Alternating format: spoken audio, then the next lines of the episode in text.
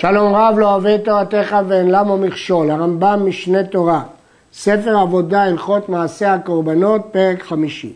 כבר ביארנו, הכוונה בהלכות ביאת מקדש, פרק ט', ששחיטת הקודשים כשרה בזרים, לא צריך כהנים לשם השחיטה. שחיטה כשרה בזר, כפי שחידש שמואל הנביא. ומקבלה ואילך מצוות כהונה. לומדים מהפסוק שרק מקבלת הדם צריך כהן. וכל הזבחים קיבול דמן בכלי שרת ביד כהן. זה משותף לכל הזבחים. אבל מקום שחיטתן ומקום קיבול דמן אינו שווה בכולם. כיצד? קודשי קודשים, אין שוחטים אותם ואין מקבלים את דמן אלא בצפון המזבח. הרמב"ם הגדיר בתחילת ההלכות הללו מהם קודשי קודשים ומהם קודשים קלים. קודשי קודשים שחיטתם וקבלת דמן בצפון. איפה זה צפון המזבח? בכל המקום שביארנו גבולותיו בתחילת ספר זה. הכוונה, להלכות בית הבחירה, פרק ה', הלכה ט"ו וט"ז. נקרא את זה כדי להיזכר. מכותל צפוני של הזרה עד כותל המזבח, שהוא רוחב שישים ומחצה, וכנגדו מכותל האולם עד כותל מזרחי של הזרה, שהוא אורך שישה ושבעים. כל המרובע הזה הוא הנקרא צפון, והוא המקום ששוחטים בו קודשי קודשים. הלכה וקודשים קלים ושחיטתם וקיבול דמם בכל מקום מן האזנה. הלכה ג' ומנין שאין שוחטים קודשי קודשים אלא בצפון, שהרי נאמר בעולה ושחט אותו על ירך המזבח צפונה. ובחטאת הוא אומר, במקום אשר תשחט העולה, תשחט החטאת. וכשם שהחטאת נקראת קודש קודשים, ככה העולה קודש קודשים. אז לכן, ברור שגם החטאת וגם העולה בצפון. ובאשם, שגם הוא קודשי קודשים, הוא אומר, במקום אשר ישחטו את העולה, ישחטו את האשם, אז גם הוא בצפון. ושלמי ציבור, שגם הם קודשי קודשים, הוגשו לחטאת, שנאמר ועשיתם שעיר עזים אחת לחטאת, שני כבשים בני שנה לזבח שלמים. יש היקש פה בין חטאת לבין כבשי שלמי ציבור. לפיכך הם קודשי קודשים כחטאת ונשחטים במקום שחיטתה. אז הוכחנו שהשחיטה שכל קודשי קודשים היא בצפון. והקבלה זה פשוט במקום שחיטה הוא מקום הקבלה. יש להעיר שהגמרא דנה על הלימוד הזה, שדבר הלמד בהיקש, בקודשים, לא חוזר ומלמד בהיקש. וכאן אנו מקישים חטאת לעולה, שהיא בצפון, ושלמי ציבור לחטאת, ששלמי ציבור בצפון. אז כיצד אנחנו עושים את זה? מכיוון שהחטאת נקראה קודשי קודשים, והעולה לא נקראה ללמדה מחטאת. אז עיקר הלימוד הוא מהחטאת. ולכן הדגיש הרמב"ם מקודם שהעולה והחטאת נקראו קודש קודשים. הכסף משנה תרץ שהפסוק שאומר במקום אשר תשחט העולה תשחט החטאת זה לא היקש, זה כתוב בפירוש איפה לשחוט את החטאת, אי אפשר לקרוא לזה היקש. לכן לא שייך לומר פה שזה דבר הלמד מן ההיקש.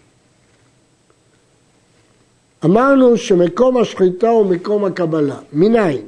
הגמרא לזבחים דורשת שכתוב ושחט ולקח הכהן. לקח זה קבלת אדם, הוא כתוב אחרי השחיטה, משמע שמקום השחיטה הוא מקום הקבלה. הגמרא שם דורשת שאף הכהן עצמו חייב להיות בצפון, ולא שיעמוד בדרום ויקבל בצפון. ומנין ששוחטים קודשים קלים בכל העזרה, אפילו אחורי ההיכל, שהרי נאמר בשלמים, ושחטו פתח אוהל מועד, להכשיר כל הרוחות, שהרי לא ייחד להם רוח. התורה לא כתבה שום צד, ולכן כל הרוחות כשרות. והוא הדין נשאר קודשים קלים. ואם שחטם בהיכל, כשרים. בדיעבד, אפילו אם הוא שחט את זה בפנים, זה כשר, אבל אם שחטן בגגו של היכל, פסולים, שאין הגגות ראויים לשחיטה כלל, אלא בקרקע הזרה, יש הלכה שגגות לא יתקדשו. ולכן אי אפשר לשחוט בגגות, אבל בדיעבד, בתוך ההיכל, אפשר. הגמרא במסכת זבחים דורשת את הדין של קודשים קלים בכל האזהרה משלושה פסוקים. אחד מהם הוא הפסוק הזה שהביא הרמב"ם, אה, כתוב לפני אוהל מועד, ומכאן שכל הצדדים כשרים. אמרנו שההיכל הוא זה שמכשיר את השחיטה באזהרה. מה פתאום אפשר לשחוט באזהרה? כי היא פתוחה להיכל. אז כל שכן, שאם שחט בהיכל עצמו יהיה כשר, שלא יהיה הטפל חמור מן העיקר. הלכה ה' שלמים ששחטן קודם שיפתחו דלתות ההיכל פסולים, שנאמר פתח אוהל מועד, בזמן שפתוח, אפילו אם דלתותיו מוגפות, הרי זה כנעול. אבל הפרוכת שעליו אינה פוסלת. כן, יש דין שהפתח יהיה פתוח, לא מוגף ולא נעול, אף על פי שהפרוכת לא מעכבת. יש להעיר שהרמב"ם נקט דווקא שלמים, משמע מהרמב"ם שדווקא שלמים מעכב הפתח אוהל מועד, והמפרשים דנים בזה. העולה והאשם והשלמים, בין של היחיד בין של הציבור, זריקת דם שלושתם על גבי המזבח שווה לעולם. וכיצד הוא עושה? כשלוקח הכהן אדם במזרק, זורק ממנו במזרק שתי זריקות על שתי זוויות המזבח באלכסון, בחצי המזבח ולמטה, על קרן מזרחית צפונית ועל קרן מערבית דרומית. הוא מתכוון כשיזרוק אדם על הקרן שיהיה אדם מקיף על הזוויות כמין גם, כדי שימצא אדם של שתי מתנות על ארבע כותלי המזבח, לפי שנאמר בעולה ובשלמים סביב, והוא הדין לאשם. שערי אדם נשפכים על גג היסוד הדרומי. אם כן, עולה אשם בשלמים, זריקת דמם שווה. כיצד עושים? הוא מקבל במזרק וזורק שתי זריקות על שתי זוויות באלכסון. ומן הזווית אדם מתפשט לשני הצדדים, קרן מזרחית צפונית וקרן מערבית דרומית. מקום הזריקה מחצי המזבח ולמטה. הרמב"ם כותב, והוא הדין אשם. באשם לכאורה משהו מהרמב"ם שלא כתוב סביב, כמו בעולה ובשלמים, אבל בפרשת צו מפורש שכתוב שם סביב. המפרשים מתרצים כי אפשר לחשוב ששם מדובר רק סוגי האשמות מסוימים שכתובים בפרשה הזאת. שערי אדם נשפכים על גג היסוד הדרומי, כלומר מצידו העליון של היסוד, ולא על דופנו. הגמרא אומרת שצריך לשפוך דווקא על היסוד הדרומי, מכיוון שכשיורד מן הכבש, זוהי הקרן שהוא נפגש בראשון. אבל לכאורה הדין זה הוא רק בחטאת, ששם עולים בכבש, אבל לא בשאר קורבנות. אבל המפרשים אומרים, סוף סוף הוא עומד שם. החטאות, חטאות הנאכלות, לא החטאות הנשרפות, אלא הנאכלות. דמן טעון ארבע מתנות על ארבע קרנות המזבח החיצון, מחצי מזבח ולמעלה. אמרנו בהלכה הקודמת שהזעה מתחת לחוט הסקרה המקיף את המזבח בחצי ולמטה. אבל בחטאת הנאכלת הזעה מחצי המזבח ולמעלה, לפי שנאמר בעל קרנות המזבח. כיצד הוא עושה? כשלוקח הכהן אדם במזרק, מוליכו אצל המזבח, וטובל אצבעו הימנית הסמוכה לגודל בדם, וסומך באצבעו הגדולה מכאן ובגודל מכאן, ומחטא ויורד כנגד חודה של הקרן עד שיכלה כל אדם באצבעו. וכן הוא עושה בכל קרן וקרן. ואם נתן סמוך לקרן באמה אחת מכאן או מכאן, כיפר. אם כן, אה, כיצד עושים? מביאים שתי אצבעות, האגודל והאצבע הסמוכה לה של יד ימין, וסומך מכאן ומכאן. מה פירוש סומך מכאן ומכאן? הכסף משנה הבין שצובר את הדם בקצה אצבעו, וכדי שלא ייזול למטה, הוא מייצב אותה באמצעות האגודל. הרדווז מסביר שהוא סומך את האצבע באמה ובאגודל, כדי שהיא תעמוד, תתייצב. אבל אה, אני רוצה להביא פה פירוש בשם ישראל מאיר סבטו, שפירש שהפירוש הוא כדי שלא תחליק האצבע על החוד של הקרן, הוא סומך את האמה והאגודל על המזבח משני צידי הקרן. לא שהוא סומך אותם לאצבע, סומך אותם על המזבח ועל ידי זה הוא יכול למרוח באצבע את הדם על שתי אבל פירוש זה פשוט ובהיר. הלכה ח' וצריך לטבול אצבעו על כל קרן וקרן. על כל קרן צריך טבילה חדשה, גם אם נשאר דם. וכשגומר הנתינה על הקרן, מקנח אצבעו בשפת המזרק, כי הוא לא יכול להמשיך למרוח אותה על הקרן השנייה. אחר כך טובל פעם שנייה, ששערי האדם שבאצבע פסולים ליתן מהם על קרן אחרת. אין בכל הקורבנות קורבן שטעון הזיית דם באצבע, אלא החטאת בלבד. שיטת ההזיה הזאת, זה לא זריקת דם, זה הזיה באצבע, היא רק בחטאת, שנאמר בה, וטבל אצבעו בדם. אמנם הפסוק הזה נזכר בחטאות הפנימיות, אבל הוא הדין גם בחטאות החיצוניות. וצריך שיש שם דם כדי טבילה, לא שיספק אצבעו מדם. מה פירוש הדין הזה? כזה משנה הבין שהרמב"ם אומר פה שתי הלכות, שיהיה בקליש במזרק, במזרק שיעור טבילה, ושנית שיטבול ולא יספק. המשנה למלך קורא את דברי הרמב"ם כפשוטם, שצריך שיהיה בכלי שיעור כזה שהוא יכול לטבול את האצבע ולא לספק את האצבע. ומנין הוא מתחיל? עולה בכבש ופונה לימינו ומהלך על הסובב שלמדנו עליו בהלכות בית הבחירה ונותן בקרן דרומית מזרחית תחילה ואחר כך בקרן השנייה הסמוכה לה שהיא מזרחית צפונית ואחר כך בקרן שלישית הסמוכה לה שהיא צפונית מערבית ואחר כך בקרן רביעית הסמוכה לה שהיא מערבית דרומית. ועל יסוד אותה הקרן שהשלים בה המתנות הוא שופך שרי אדם. שנאמר ואת כל אדם ישפוך אל יסוד מזבח העולה זה יסוד הדרומי. המפרשים מעירים שהפסוק הזה שהרמב"ם מצטט ויקרא ד' י"ח נאמר לגבי החטאות הפנימיות ולא על היסוד הדרומי על כן מגיעים ומביאים פה פסוק אחר, ויקרא ד' כ"ה, ואת דמו ישפוך אל יסוד מזבח העולה. כל החטאות הנשרפות, דמן נכנס לפנים להיכל. כן, ישנן חטאות שנשרפות מפורשות בתורה, ואותן מכניסים לפנים ההיכל כפי שכתוב בתורה. ושערי הדם שהופך אותן על יסוד מערבי של מזבח חיצון, לא כמו במקרים הקודמים ביסוד הדרומי, שהוא פוגע בו תחילה כשיצא מן ההיכל.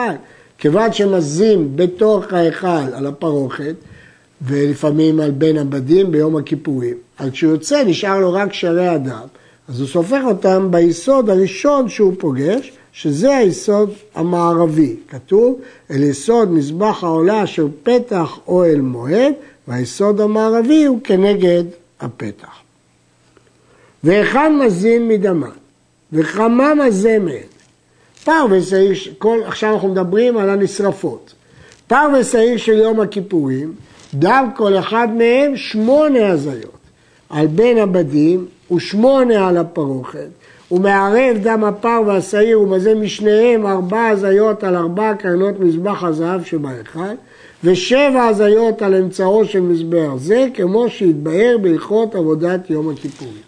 כידוע, מזים אחת למעלה ושבע למטה, על בין הבדים ועל הפרוכת, ואחר כך מערבים דם הפר ודם השעיר, ומזים משניהם יחד ארבע הזיות על ארבע קנות מזבח הזהב שבהיכל, ושבע הזיות על אמצעו של מזבח. נמצא שעל בין הבדים ועל הפרוכת מזים מהפר בנפרד, מהשעיר בנפרד, מכל אחד שמונה הזיות. ומשניהם מעורב מזים ארבע על ארבע קרנות המזבח ושבע על אמצעו של מזבח. ואם לא כיוון בהזיות שבפנים, כשרות. המפרשים נחלקו מה הכוונה אם לא כיוון. מרי קורקוס פרש, כוונת הרמב"ם, ממה שכתוב במשנה, לא היה מתכוון להזות לא למעלה ולא למטה, אלא כמצליף. אבל אם כך, למה הרמב"ם כותב בלשון של בדיעבד, אם לא כיוון? ערוך השולחן כותב שכנראה המשפט הזה לא נגרס בהלכה הזאת, אלא בהלכה הבאה. המלבין כותב שהכוונה היא שבדיעבד לא כיוון בין המדים כשר. גם זה קצת קשה, שהרי זה מקום ההזעה. פרים הנשרפים ושעירים הנשרפים זורק מדם כל אחד מהם שבע הזיות על הפרוכת המבדלת בין הקודש ובין קודש הקודשים, וארבע הזיות על ארבע קרנות מזבח הזהב. כאן זה לא יום הכיפורים, אין לנו הזיות על בין הבדים, יש לנו הזיות על הפרוכת שבין הקודש ובין קודש הקודשים ועל מזבח הזהב. הלכה י"ד וכל הדמים הניתנים על מזבח הזהב, כשהוא נכנס, עומד בין המזבח למנורה והמזבח לפניו ונותן על קרנות המזבח מבחוץ. מתחיל מקרן מזרחית צפונית לצפונית מערבית, למערבית דרומית, לדרומית מזרחית. כדי להבין את ההלכה הזאת צריך שיהיה פנ... מול פנינו בדמיון הכלים שהיו בהיכל. שולחן בצפון, מנורה בדרום, מזבח משוך בין שניהם. דברי הרמב"ם בהלכה הזו קשים מאוד, גם בסברה וגם ביחס לסוגיית הגמרא. היא מופיעה פעמיים ברמב"ם, פה ובהלכות עבודת יום הכיפורים. הרשב"א בתשובות נשאל על דברי הרמב"ם כמה שאלות. האחד, על פי המבואר בגמרא, פתח הפרוכת החיצונית היה בדרום. מדוע אם כן פסק הרמב"ם, הרמב"ם שמתחיל את ההזעה מקרן מזרחית צפונית? הרי כשיוצא מקודש הקודשים, הראשונה שהוא פוגע בה היא קרן מערבית דרומית. וגם אם נאמר שהרמב"ם פוסק שפתח היה בצפון, מדוע אומר שהוא עומד בין המזבח למנורה? אם הפתח היה בצפון, הוא עומד בין המזבח לשולחן. שאלה שנייה, הרמב"ם בהלכות בית הבחירה אמר שהמזבח עומד בין השולחן למנורה משוק מעט כלפי חוץ. הדין הוא שצריך הכהן לצאת מכל המזבח לפני שמתחיל בהזעת הדם. איך ייתכן שכשהים הזה היה עומד בין המזבח למנורה? ויש עוד שאלה שלישית, שהרמב"ם אה, דן שהוא מקיף את המזבח ברגל, אז אם כן, מדוע הוא כותב שהוא נותן מלמעלה למטה שלא יתלכלכו בגדיו, אבל בשאלה הזאת לא נתעכב עכשיו. הרשב"א נדחק ולא עולה בידו ליישב את כל הקושיות. גם ארי קורקוס נדחק, גם הלחם משנה נדחק. והנה אה, ישראל מאיר סבטו מצא בספר עיני אברהם תירוץ מצוין. על מנת שלא יתלכלכו בגדיו כשנותן מלמטה למעלה, צריך שיעמוד באלכסון מהקרן שעליה הוא נותן את הדם, כדי שיהיה לו אמה שלמה לצודד את אצבעותיו. אם כן, כשהוא יוצא מבית קודשי הקודשים, הוא עומד בין המזבח למנורה, ונותן את הדם בצורה שיד ימינו תצא מכל המזבח. ובזה יתקיים הדין שצריך לצאת מכל המזבח. נתינה כזו יכולה להתקיים רק בקרן האלכסונית אליו, מזרחית צפונית, ואז יכול לתת כדרכו בלא שיתלכלכו בגדיו. אחר כך ממשיך הכהן ועומד בדרום מזרח המזבח, ונותן לקרן האלכסונית לו, שהיא מערבית צפונית. הוא ממשיך לצפון מזרח המזבח, ונותן על הקרן האלכסונית מערבית דרומית. אחר כך הוא לא ממשיך להסתובב, כי הוא צריך לצאת מן המזבח, ונותן על הקרן האחרונה המזרחית-דרומית כשהיא מולו. ולכן, כיוון שהיא לא באלכסון, הוא נותן מלמעלה למטה כדי שלא יתלכלכו בגדיו ונתיישבו כל הקושיות. בהזדמנות זאת נספר מי זה עיני אברהם. הגאון הזה היה עיוור, סומה, בתוניס. למרות זאת הוא לא ויתר על תלמוד תורה ולמד מפי רבותיו שהיו גדולי עולם הרב נבון, והגיע, כפי שאנחנו רואים פה, להישגים עצומים, עד שהרב דוד פרדו, בעל החסדי דוד, העיד שיש כאן דבר פלא, שמי שלא ראה מאורות מימיו, מדליק את המנורה. הלכה ט"ו פר כהן משיח הבא על כל המצוות. הכהן המשיח עצמו מקבל דמו ומזה ממנו בפנים. התורה אומרת שאם הכהן המשיח יחטא לאשמת העם, הוא מביא פר, ולכן הוא צריך לקבל את הדם, והוא צריך לעזות. ואם קיבל ועיזה הכהן אדיוט, כשר. בדיעבד זה כשר. הרמב"ם לא הזכיר לו פה פר העלם דבר של ציבור, אלא רק מספר כהן משיח. שעירי עבודה זרה, והם שעירים הנשרפים, לא נתפרש בהם בתורה כיצד נותנים דמן, ולא היכן הוא נותן. ולכן אנחנו צריכים ללמוד מעצמנו. אלא לפי שהם חטאת הקהל, דינן כדין פרא אליהם, שהיא חטאת הקהל לכל האמור בו, למתן דמים ולשרפה ולטמא את השורף. נותנים לזה דין רגילה של חטאת הקהל. הבכור והמעשר והפסח, דם כל אחד מהם טעון מתנה אחת בשפיכה כנגד היסוד. נשים לב לחידושים פה, לא שתי מתנות שהן ארבע ולא ארבע מתנות, מתנה אחת. חידוש שני, לא בזריקה אלא בשפיכה. הזריקה היא מרחוק ובכוח, השפיכה היא מקרוב ובנחת. באיזו רוח שירצה משלוש זוויות המזבח, שהרי קרן מזרחית דרומית לא היה לה יסוד כמו שבארנו.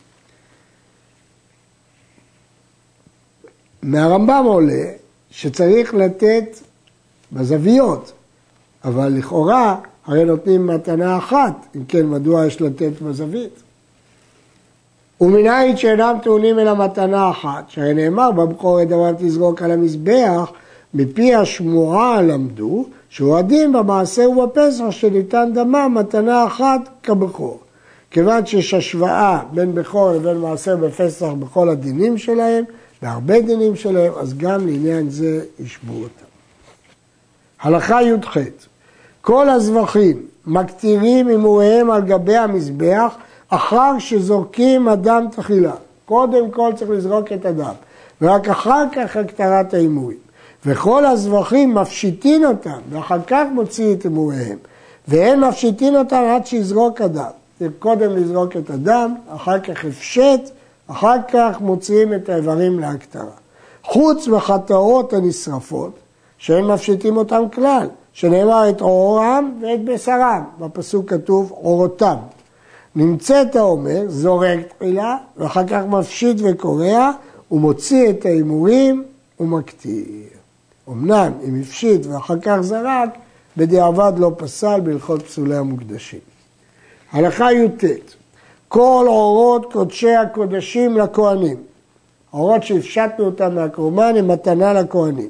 בין בקורבנות ציבור בין בקורבנות יחיד, שנאמר, אור העולה אשר הקריב. הרמב"ם לא הביא את המשך הפסוק, לכהן לא יהיה.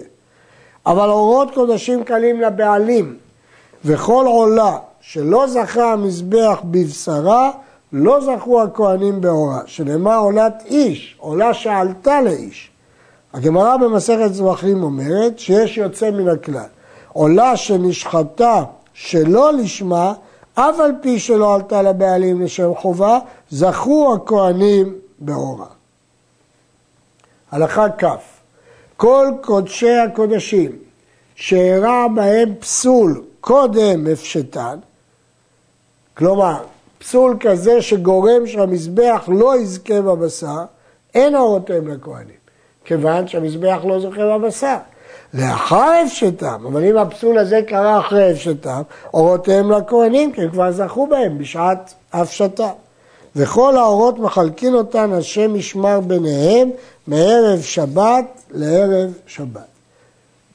יש בתוספתא שבתחילה היו מחלקים את האורות מדי יום, אבל הכהנים החזקים היו משתלטים בכוח על האורות, לכן תקנו שיחולקו בערב שבת, שכל המשמרה נמצאת, ואז האלימים לא יזכו. הלכה כ"א, המדפיס עולתו לבדק הבית, לא למזבח. וכן המקדיש נכסיו היו בהם זכרים שדינם שיקרבו עולות כמובן, כן, למדנו את זה בהלכות ערכים וחרמים. אין אורותיהם לכהנים, שנאמר עולת איש, פרט לעולת הקדש, זה עולה של בדק הבית, עולה שהוא הקדיש את נכסיו. אלא אם מכרו האורות ויפלו לבדק הבית. רק עולה של איש האורות לכהנים, ולא עולה של הקדש. אחד עולת איש או אישה, או גוי, או עבד, אורותיהם לכהנים. למרות שכתוב איש, אין הכוונה דווקא איש. לא נאמר איש, אלא להוציא את ההקדש.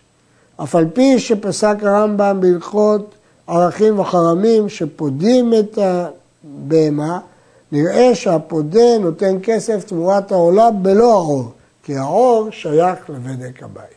עד כאן.